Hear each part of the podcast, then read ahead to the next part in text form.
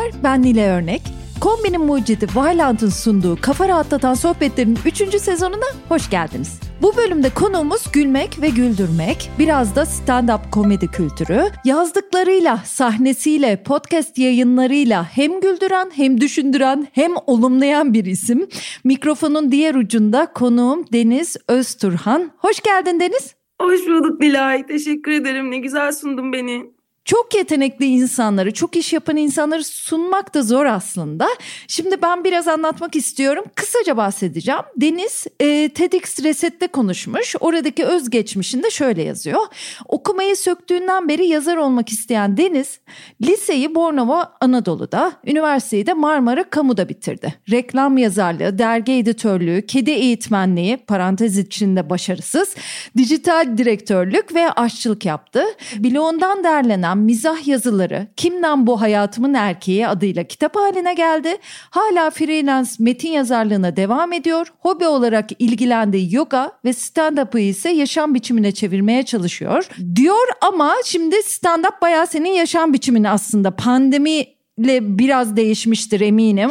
Radyo programları var, podcastlar eklendi. Şimdi ilk önce en az kişinin yapabildiği işinden bahsedelim. Stand-up'tan başlayalım. Ee, bir de senin adının önünde hep bir kadın var. Ee, stand-upçı yetmiyor. Kadın stand-upçı denmesi gerekiyor. Sen de bu topu her zaman iyi çeviriyorsun. Sen bu işe nasıl başladın stand-up? Stand-up'a özel olarak e, evet miza yazarlığın 18. senesindeyim belli bir yerinde miza yazardın. Aslında beni arkadaşlarım soktu bu işe. O zaman stand-up kültürü diye bir şey yoktu bu arada. 2011 senesinden, 2010'un sonlarından bahsediyorum. Ee, yani ne bir açık mikrofon var Türkiye'de ne yani sadece büyük stand-up yapan isimler var. Onlar da zaten hani kendi seyircileri işte Cem Yılmaz var. Ee, çok çok az isim kendi sahnelerini e, götürüyorlar onun dışında bir alt kültür yok stand-up hakkında. E, neyse ben de işte bu Kimden Bu Hayatımın Erkeği bloğu o zamanlar bir patladı. Güzel bir yerdeydi. Arkadaşım Deniz Altemiz e, gel beraber sahneye çıkalım. Ben tek başıma çıkmaya korkuyorum dedi. Ve böyle biz e, Beyoğlu'nun arka sokaklarında bloggerların e, freelance çalıştığı bir kafede arkadaşlarımıza e, işte içeceklerini ısmarlamak suretiyle sahneye çıkmaya başladık. elimizden geldiğince hani insan toplayabilmek için onlara bir takım içecekler servis etmemiz gerekiyordu. O derece böyle yeraltı bir yerdeydi. Ee, sonra tabii yani çok uzun zaman sahnede kaldım ben. 10. senesi aslında. Bu sene sahneye pek çıkamadık ama şöyle girmem lazım. Stand-up'ın 6. senesiydi ve artık hani erkeklerle sahneye çıkmak çok güzel bir şey tamam. Hani e, o kulis o vesaire de harika. Ben seviyorum en azından erkek komedyenlerle bir arada olmayı. Ama şöyle bir şey oluyordu. Mesela açık mikrofon oluyor ve açık mikrofon olduğunda genelde hani e, 7 kişi çıkacaksa bir tane kadına yer veriliyordu. Hani araya da bir tane kadın komedyen alalım. Sahnemiz azdı kadınlar olarak ve ben de çok eski olduğum için aslında bütün bu e, camiada genelde bana sahne teklif ediliyordu. Ee, geri kalan arkadaşlarımın ise hani yeni başlayan komediye kadınların böyle bir sahneye ihtiyacı vardı, bir alana ihtiyacı vardı konuşacak ve maalesef onu sağlayamıyorduk. Ee, sonra işte bir kadınlar gecesi 8 Mart'ta yapıldı. Orada birbirimizi daha iyi tanıma fırsatı bulduk. Ondan sonra işte bir WhatsApp grubu kuruldu. Ee, ben birazcık kızlara kendi yaşadığım deneyimlerden hani o sahne arkasında nasıl diyeyim çektiğim zorluklarda demeyeyim de bir kadın olarak orada tek başına bulunmanın verdiği bir şey var aslında. Taşınması gereken bir yük var. Ee, onunla alakalı bir takım şeyler anlatmaya başladım vesaire derken derken işte Ankara Komedi Festivali'ne çıkmamız istendi bizden bir kadın grubu olarak. Ondan sonra bir grubumuza isim bulduk vesaire. Öyle çok da Fifi doğdu. Ve çok da Fifi ile de bir dört sene gerçekten çılgınlar gibi çalıştık. Yani Türkiye'nin her yerine turne yaptık. İki kere Berlin'de sahne aldık. Bir tanesi işte Gorki Tiyatrosu'na belki sen biliyorsundur bu Müzeler Adası'nda çok güzel böyle bir tarihi tiyatro. Hı-hı. Neyse iyi bir çalışmamız oldu. Hatta geçen 8 Mart haftasında 4 şehirde 6 gösteri yapmıştık. Yani böyle gerçekten inanılmaz bir yerinde pandemi patladı. Böyle aslında hani az çok stand-up'a girişim ve bunu bir meslek haline getirişim bu şekilde oldu. Ben araya çok girmiyorum çünkü biz e, Deniz'le uzaktan konuşuyoruz. Evlerimizden bu muhabbeti gerçekleştiriyoruz ve öyle gerçekleştirdiğimizde de benim sesim bazen Deniz'in sesini kesme ihtimali e, doğurabiliyor. E, onu yapmamak için böyle hı hı bile demeden dinliyorum Deniz'i ama çok güzel gidiyorsun Deniz. Bu benim kişisel rahatsızım. Herkes her kadın bunu hissetmiyor olabilir ama belki e, bana ya Nilay şunu da paylaş. Bu şirketin bilmem nesini de göstermek ister misin ya da dinlemek ister misin gibi de çok ileti geldiğinden belki böyle rahatsız oluyorum ama okey 8 Mart'ı anlıyoruz. Çok değerli. Keşke Rusya'daki gibi resmi tatil olsa ya da ım, istediklerimizi yapabilsek o günde vesaire. Ama bir 23 Nisan ve e, bir konuma kadın oturtmak yani çocuk oturtmaya dönüştürülmese sadece 8 Mart'ta gösteriler ya da e, ne bileyim etkinlikler olmasa değil mi? Öyle bir şey düşünüyorum. Sen ne hissediyorsun merak da ediyorum gerçekten hani bu sesinin üzerine konuşmamak için aralardaki hıhıları ve aynenleri şu anda iletmem gerekiyor. Toplu bir sen bir parantez içinde çarpı sekizli falan bir aynen düşün.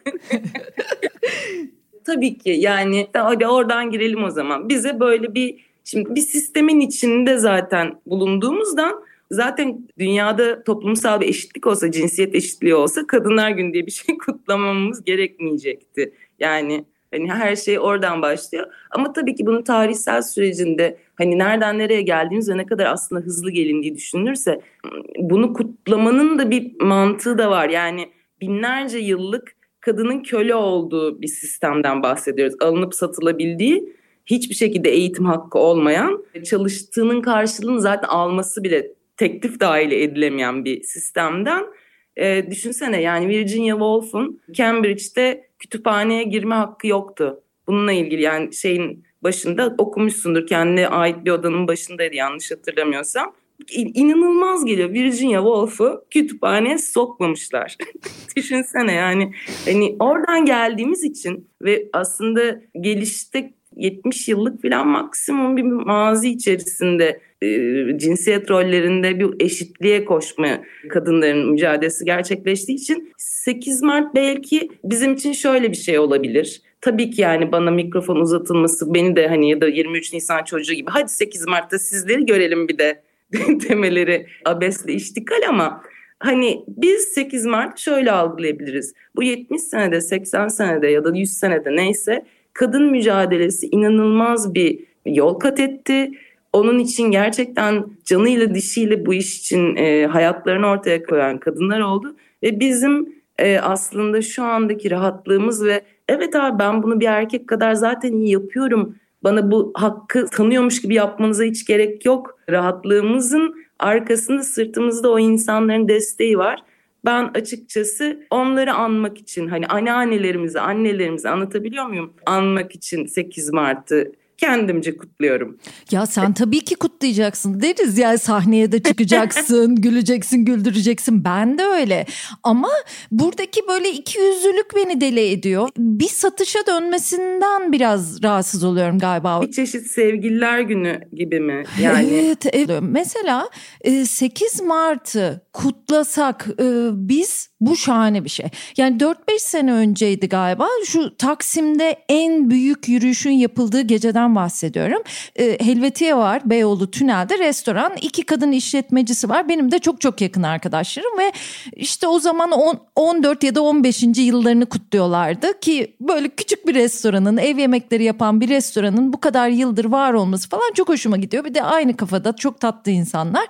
Onları kutlamaya gidiyorum. Taksim merkezden düşün tünele bir baktım her yerden kadın çıkıyor ve davullar, zurnalar, makyajlar, işte bir şeyler taşınıyor, sloganlar ve ağladım ya. Sevinçten ağladığım bir gündü o benim. Yani ben sen de orada mıydın?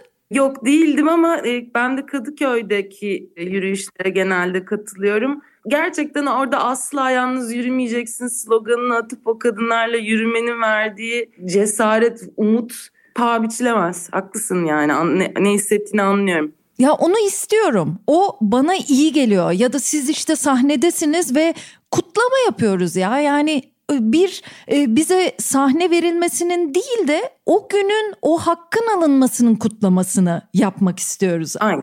Şu anda e, zaten hani toplumun belli bir durumu var. Erkeklerin de çok rahat etmediği bir toplum düzenindeyiz şu anda. Böyle toplumlarda da kadının eziliyor olması çok çok normal. En azından hani ona ait işlerin de böyle bir ikinci sınıfmış gibi ya da hani ah bu da sizin e, şeyiniz olsun. Bu da bir kadın sesi olsun. Bir renk olsun diye. Hani biz hı hı. toplumun yarısı değilmişiz de süslemeymişiz gibi davranılması. Evet yani işte ben bunu şöyle algılamaya çalışıyorum. Tabii ki bunun içinde çok uzun süredir var olduğum için e, ve zaten mizah da çok erkek egemen bir alan. Yani hani pek çok şeyden daha erkek egemen olduğuna eminim. Çünkü geleneksel de bir tarafı var bu egemenliğin. Bir yandan da kadınların yetiştirilişine toplumsal olarak çok fazla güldür kızım, gül kızım, bir ortaya şebeklik yap da komşular neşelensin kızım gibi bir durum söz konusu değil biliyorsun sen de. Biz daha değerli toplu, edepli, mantıklı, absürt bir şey yapan değil. Hani ortalığı dağıtan eden bir şey değil. Hani daha e, belli koşullar, belli standartları sağlayacak şekilde, hanımefendi olacak şekilde yetiştiriliyoruz. Geleneksel anlamdan bahsediyorum erkek çocuklarına daha geniş bir alan tanınmış oluyor bu anlamda. Daha oradan başlayan kadınların zaten mizatta hani kendini göstermesi için bir alan eksikliği var. Mesleki anlamda da kendini gösteriyor. Ama ben seviyorum dediğim gibi hani erkek komedyenlerle, mizaçlarla, çizerlerle çalıştım. Onların bakışlarında ben çok büyük bir değişiklik olduğunu düşünüyorum aslına bakarsan son 20 yılda. Biz sadece onun e, şu anda bu suyun bulanık olduğu yerdeyiz bence. Ama gerçekten bu çamur çöktüğünde bambaşka bir e, algıyla hayatımıza devam. Belki biz görmeyeceğiz ama bizim sesimiz internetin bir yerinde o gün görecek diye düşünüyorum Nilay'cığım. Şahane ifade ettin. Ee, bu arada e, e Marvelous Mrs. Maisel benim çok çok çok sevdiğim bir dizi oldu. Amazon Prime'da izledim. İşte kaç sezondu? 4-5 sezonu var galiba. Belki de 6'dır. Ee, 1950'lerde bir kadının stand-upçı olma mücadelesini anlatıyor. Ama o kadar güzel yazılmış bir dizi ve o kadar iyi oyunculuklar var ki hem 1950'ler Amerika'sını görüyoruz hem bir kadın mücadelesini görüyoruz hem kadın stand-upçıya komedyene bakışı görüyoruz ve bir ilk ve herkes kadın da güzel bu arada senin gibi böyle çıktığı anda sen şarkıcı mısın? Her gittiği sahnede ha şarkıcı mı geldi diyorlar. Yani kadın sadece şarkıcı olabilir güldüremez gibi geliyor ve e, kadın mesela o dönemde hamilelikten bahseden bir espri yapıyor. Allah'ım sahneden indiriyorlar ve diyorlar ki sen hamilelikten bahsedemezsin bu kutsal bir şey. Yok işte e, kocasından bahsediyor sen kocandan nasıl bahsedersin ama millet e, karısından bahsediyor vesaire vesaire onu izledim. Üstüne Seinfeld zaten hep böyle izlemekte olduğum bir dizi. çevir çevir izliyorum. Ve Menajerini Arayın diye bir e, son dönemde e, yerli versiyonu da yapılan bir dizi var ya orada da bir bölüm stand-up üzerineydi. Sen de seyrettin mi bilmiyorum ama şöyle e, bir aktris stand-upçı olmaya özeniyor. Çünkü sahnede çok tatlı bir genç kadın var.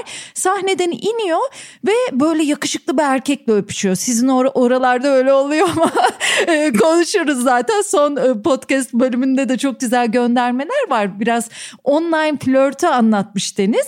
E, şimdi orada aktris özeniyor. Ben hep yaşlı kadınlara, adamlara oynuyorum. İşte stand-up ne kadar güzelmiş. Yakışıklı çocuklar bakıyor insanı. Stand-upçı olmaya karar veriyor.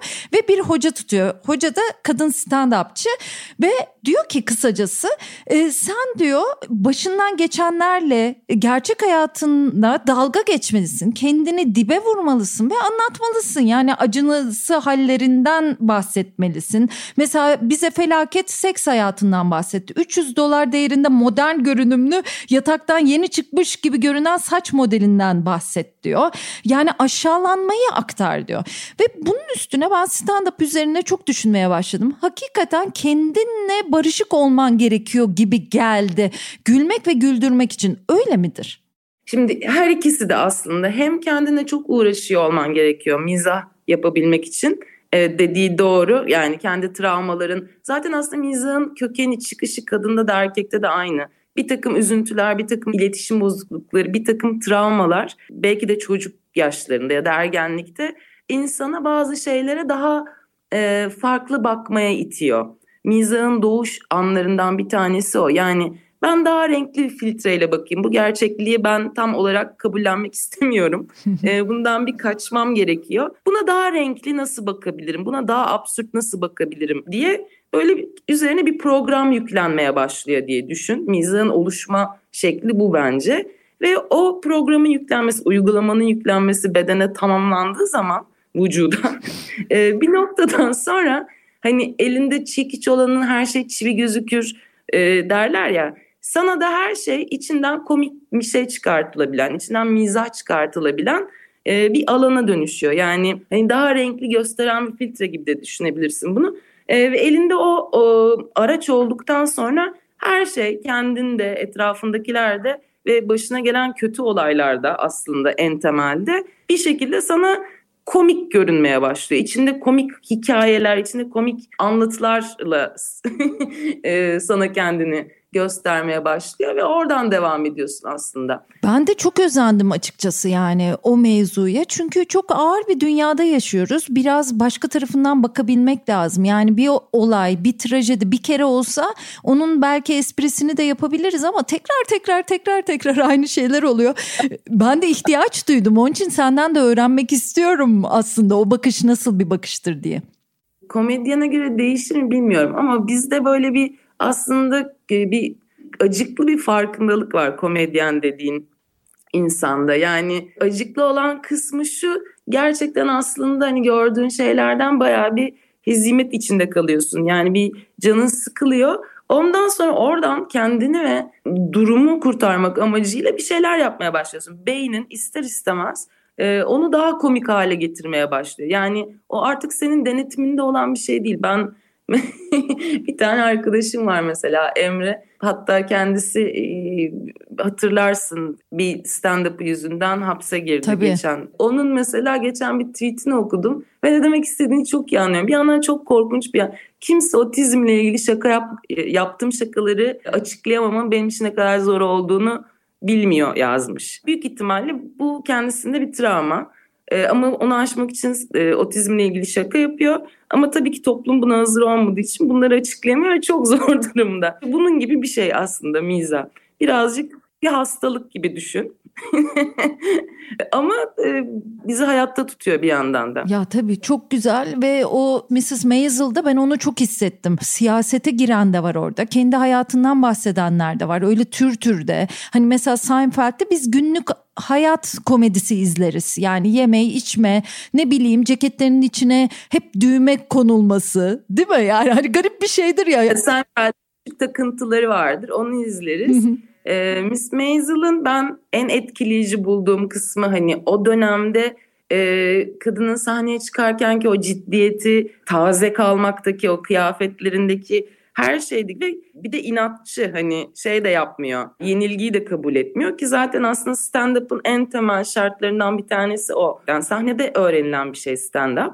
İyi olana kadar kötü olmayı kabul etmeniz gerekiyor. Ve bu dayanması çok zor bir süreç aslında. Sahnede kötü olmak yani insanların en büyük korkusu ölmek, ikincisi topluluk önünde konuşmakmış genel olarak. Ve yani orada bir de topluluk önünde komik duruma düşüyorsun güldürmeye çalışırken. Ama buna tahammül etmen gerekiyor. Maisel'ın da öyle bir Miss Maisel'ın da öyle bir dönemi var ilk sezonda. Patladığı ve bir şakayı oluşturana kadar ne kadar uzun süre aslında yapamadığını da gösteriyor. O bence çok önemli. Stand-upçı olmak isteyenlere buradan en azından diyebilirim. Bir süre sahnede e, kendinizi kötü hissetmeye katlanmanız gerekiyor. Ya zaten Deniz e, sen ilk sezonu seyretmişsin sonraki sezonlarda da kızı hep öyle. Yani sürekli yeniliyor sürekli dayak yiyor yani e, o... Sahnede yenilen dayak öyle bir şey zaten o sonsuz bir dayak ama bir yandan da o şekilde büyüyorsun. Yani sanat o şekilde gelişiyor bence. Tabii tabii zaten orada onu da görüyoruz.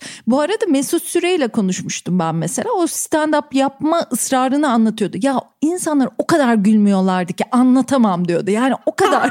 yani bir insan kendine bunu niye yapar dersin. Yani beni sahnede görsen niye bu insan bunu yapıyor dersin demişti. Rüstem Batum'la konuştuğumda da Türkiye'de ilk stand-up yapan insanlardan biri. O da işte Amerika'dayken çok gör görmüş ve kasetlerle ondan bundan çalışmasını anlatıyordu. Mesela e, benim Nasıl Olunur ismindeki podcastımda anlattı bunu. Tilbe Saran'la o dönem evli. Tilbe Hanım uyuyor yani yattığı zaman o kalkıyor ve sabahlara kadar çalışıyor. Tekrar tekrar ezberliyor, gösterisini hazırlıyor. Çok şaşırmıştım mesela. Bir yıl kendi kendine iyi olana kadar, kendi öyle düşünene kadar çalışmış. Daha sonra da Tilbe Hanım'ı izlettirip düzeltmiş ve öyle sahneye çıkmış. Yani çok enteresan bir süreç. Herkes onu da yapamaz. Evet. Ama bir o tiyatro kökenli bir gelişme. Stand-up'ın genel geleneksel gelişme adabında şey vardır. İlk önce çok küçük bir e, metin hazırlarsın. Yani 5 dakika hazırlamaya çalışırsın ve açık mikrofonlarda onu denersin. Stand-up genelde seyirci üzerinde çalışılan metinlerden. Yani gerçekten bir şakanın doğru haline gelmesi için en az bir 10 değişik seyirciyi sahneyi görmüş olması gerekiyor. E, o çalışması hani bir yıl kendi kendine çalışması çok enteresan. Hani saygı duyulacak bir şey ama bizim anladığımız anlamda stand-up'ın gelişme ritüeli o değil. Sahnede işte öyle birilerine içki ısmarlayıp arkadaşlar gelin diyerek belki de işte odur o daha gerçektir. Şimdi tam bununla ilgili bir şey sorayım sana. Bu arada sen e, çok da FIFA hatunların ekibini saymayı unutma bir. İkincisi çok şehir gezdiniz, çok insan gördünüz. Türkiye'de insanlar neye gülüyorlar ve şehirden şehire fark ediyor mu bu gülünen şeyler? Bu arada çok da Fifi'nin e, isimlerini söylemem e, gerekir. Meltem Parlak, e, Buse Sinem, e, İren bizimle beraberdi. Geçen sene ayrıldı ama çok güzel bir üyemizdi. E, Şirincan Çakıroğlu, Hande Yögen e, ve Aslı Akbay. E, hepsine sevgiler buradan. Şimdi tabii e, şehirden şehire ufak tefek farklar oluyor. Biz de kendi metinlerimizi oynarken Adana'da, İzmir'de veya Samsun'da, Afyon'da aynı metni aynı şekliyle ya da Kadıköy'de oynamamayı tercih ediyoruz. Yani e, gittiğimiz yerlere göre o e, kendimize küçük e, otosansürler şakanın içinde hani onu ifade ediş içerisinde bile yani şakanın kendisini yapıyor olsan da onu dile getirişte e, ufak tefek oynamalar yapıyoruz. Çok da Fifi'nin şöyle bir durum vardı. Anadolu'ya çıktığımızda yani İstanbul'dan çıktığımızda genelde seyircimizin oranı yüzde seksenlere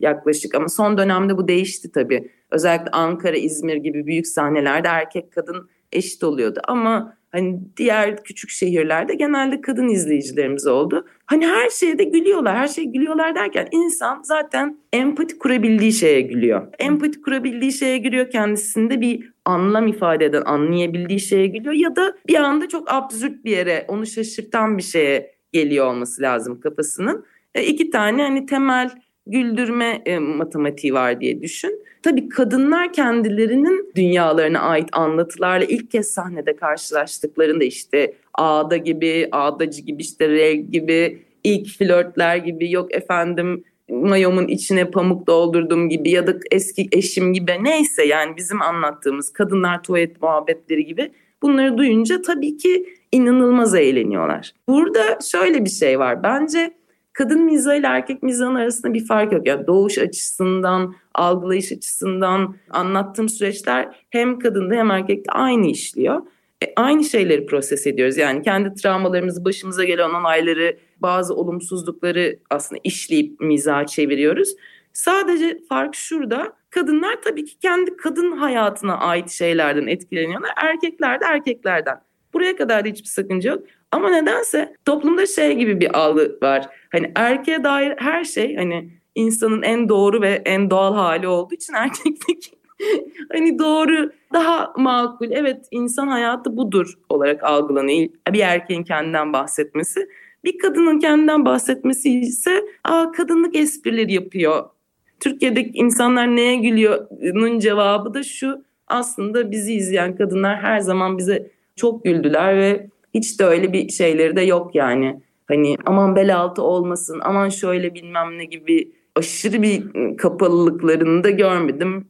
Çok da eğleniyorlardı yani. Ya ben bunu da çok gerekli görüyorum. Yani stand-up'ta benim hoşlandığım şeylerden biri de güldürmesi ve rahatlatmasının dışında şu farkındalık. Yani orada bir keskin zeka var ne olursa olsun. Bazen bunu böyle stand-up yapan insanları söylediğimde yok canım falan mütevazilikleri oluyor ama orada bir görü var, farkındalık var, cımbızlama var. Neyi cımbızlıyor o önemli ve sen onu yaşıyorsun ama onu böyle cımbızlamamışsın. Mesela işte laf atılması kadınlara. Şimdi erkekler bizim gözümüzden onu çok görmüyorlar tamam mı? Abi korna çalıp gidiyorsun. Ne demek istiyorsun? Ne elde ediyorsun? ya ben bundan dalga geçmek istiyorum ve dalga geçen insan çok hoşuma gidiyor. Geçen bir e, stand-upçıyı seyrediyordum be kadın. E, diyordu ki işte bakkala gitmiş ekmek alıyor geliyor ama bir adam onda yalarım demişti o. Ya şimdi bundan dalga geçişi o kadar güzel ki bir erkek bunu dinlemeli. Ne kadar saçma olduğunu bazen fark etmiyor bence insanlar. Hani korna çalarak mesela bir kızı ne elde edebilirsin? Onu anlayamıyorum mesela. Bundan güzel dalga geçildiğinde 20 dakika insan güldürebilirsin gibi geliyor. Elbette var benim öyle bir stand-up'ımda bölümüm yazan adamlar, barlarda yazan adamlar diye anlattığım, genel yazan adamlar diye anlattığım bölümlerim var. Ee, lütfen pandemi bittikten sonra ya çok da Fifi'ye ya da benim kendi şahsi deniz seviyesi gösterime beklerim sizi de. Ee, gelin beraber gidelim. Tabii ki yani korna çalan adamın evriminde korna evresinde Nilay. yani hani kuş nasıl dans ediyorsa ya da cik cik ses çıkarıyorsa adam da evrimde korna evresinde ve korna ile çiftleşme ritüelini başlatıyor. Ee, belki de başka kornalı bir kız bulacak kendisine ve kız da kendisine korna. Şimdi bilemiyoruz. Sen belki kornaya yanıt vermiyorsun ama evrimde onun eşi sen değilsin zaten. Yani başka bir kornalı kızla eşleşecek belki de o. O yüzden... Ya deriz bu haksızlık gülemiyorum. Güldüğümü ve çarpı sekiz farz et sen de. Çok teşekkür ederim. Şimdi bu sahnede olmak, birileriyle karşı karşıya olmak gibi bir durum var. Bir de şimdi internet var. Ama karşı karşıya olmak öyle büyük bir heyecan, his, coşku ya da daha büyük korku ki sen biraz o sahnede olmayı, birileriyle olmayı ve güldürmenin senden beklenmesi hissini bize anlatır mısın? Diye soracağım. Şimdi sen söylerken yüzüme özlem dolu bir tebessüm yayıldı yani ah sahnede olmak e, diye. Tabii çok özledik. E, sahnede olmak hani bizim hem aşkımız diye düşün. Gerçekten net bir aşk yani üzüntüsüyle, coşkusuyla, hani onun için hazırlanmasıyla gerçek bir aşk.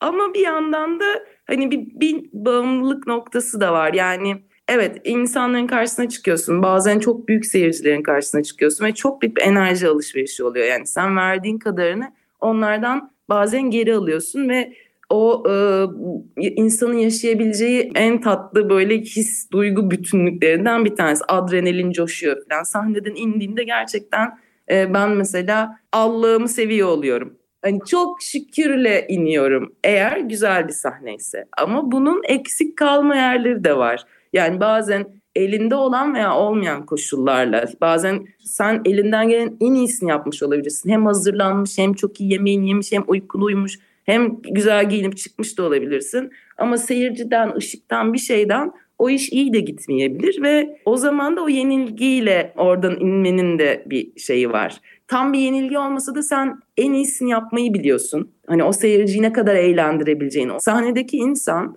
seyirciyi bir kapıdan alıp sahnede açtığı kapıdan alıp evrenin başka bir yerine taşıyor. Ve yani öyle büyük anlar olabiliyor ki hani şeyi düşün Live Aid konserinde Freddie Mercury'nin yaptığını düşün. 57 bin tane insanı alıp o kapıdan evrenin bambaşka bir yerine çıkartıyor hmm. diye düşün. Ben hadi 150 kişiyi çıkardım. e, ve tabii ki bu muhteşem bir his. Bunu her zaman istediğim performansla gerçekleştirememek biraz yorucu oluyor. Stand-up yaparken durmanın, duraklamanın bir önemi var. İnsanların gülmesini bekleyeceksin. O öğrenilen bir şey değil mi? Sonradan sonradan öğreniyorsun. Mükemmel tespitler yapmışsın. Senin ufak ufak sahneye gitmen yolun açıldı bence şu an. bu kadar kolay evet, olamaz deriz yani. bu kadar kolay olamaz ama e, matematiğini çok iyi incelemişsin. Çok doğru. Ve bu gerçekten de dediğim gibi sahnede öğrenilen bir şey. Stand-up'tan komedi değil. Komedi evinde yapabilirsin. Komik olabilirsin. Çok komik olabilirsin. Ama sahnede onu doğru bir performansta yapabilmek için evet iyi bir zamanlaman da olması gerekiyor. Seyirciyle beraber bizim yapmaya çalıştığımız şey şudur. Ritim anlamında bir müzik gibi düşünürsen, çaldığın bir parça gibi düşünürsen stand-up setini hani arkada alkışta kahkaha olsun. Seyircinin kahkahası böyle pıt pıt pıt pıt pıt pıt pıt taka taka taka gibi bir şey. Hani çok ufak ufak ufak ufak sonra daha büyük patlayan bir crescendo mu deniyor oraya çıkması gerekir. Yani evet o da bütün bu süreçte sahnede öğreniliyor ve seyirciyle beraber öğreniliyor. Aslında yani şu anda düşününce çok eğlenceli ama ilk başlayan için evet biraz zor. Bazı insanlar daha kolay yapıyorlar ama onu fark ettim. İlk stand-up'ımda onu becerebilen insanda gördüm. Ben öyle değildim mesela. Ben e, daha zor öğrendim. Olumlu Dünya podcastinde de biraz böyle sanki mizah yazımı, e, günlük hayatın algılanması, çözümlenmesi üstüne stand-up karışık gibi geldi bana. O pandemide üretilmeye başlamış bir şey ve herkes çok olumsuz ve herkes her şeyden şikayet ediyor ama kimse hiçbir şey yapmıyor. Hani o Twitter'ın o sosyal medyanın o şeyini biliyorsun sen de birbirimizi de takip ediyoruz. Hani o anladın mı? O herkesin kafaları böyle her şeyden şahit ettiği ama bomboş hiç kimsenin ve üzülenlerin ve üzülme mantığının da hep böyle goy goylandı. Hani herkes acı çekecek arkadaşlar. Net. Netiz değil mi bu konuda? Kimse hiçbir şey yapmadan acı çekiyor. Netiz tabii. Ya da herkesin birbirini gıybetlemesi. Ee, sürekli haset. Hani o ona gömüyor, o ona gömüyor. Ben dedim ki ben farklı bir şey yapayım. Yani rahatsız oluyorum. Ben birilerini sürekli gıybet etmekten de, eleştiriyor olmaktan da. Beğenmiyorsan takip etme, beğenmiyorsan o tarafa bakma. Beğendiğin bir şeye bak. Beğendiğin bir şeyi güzel takip et. Kendin bir şeylerin farkında ol ve kendinle alakalı yani aslında bizim sürekli bir şeylerinden huzursuz olmamızın sebebi kendimizle ilgili mutsuzluklarımız olması, kendimizi gerçekleştiremememiz diye bir mantıkla bu podcast'i yapmaya başladım. İlla çok komik olayım diye başlamamıştım ama belli bir süre sonra kendimi tutamadım.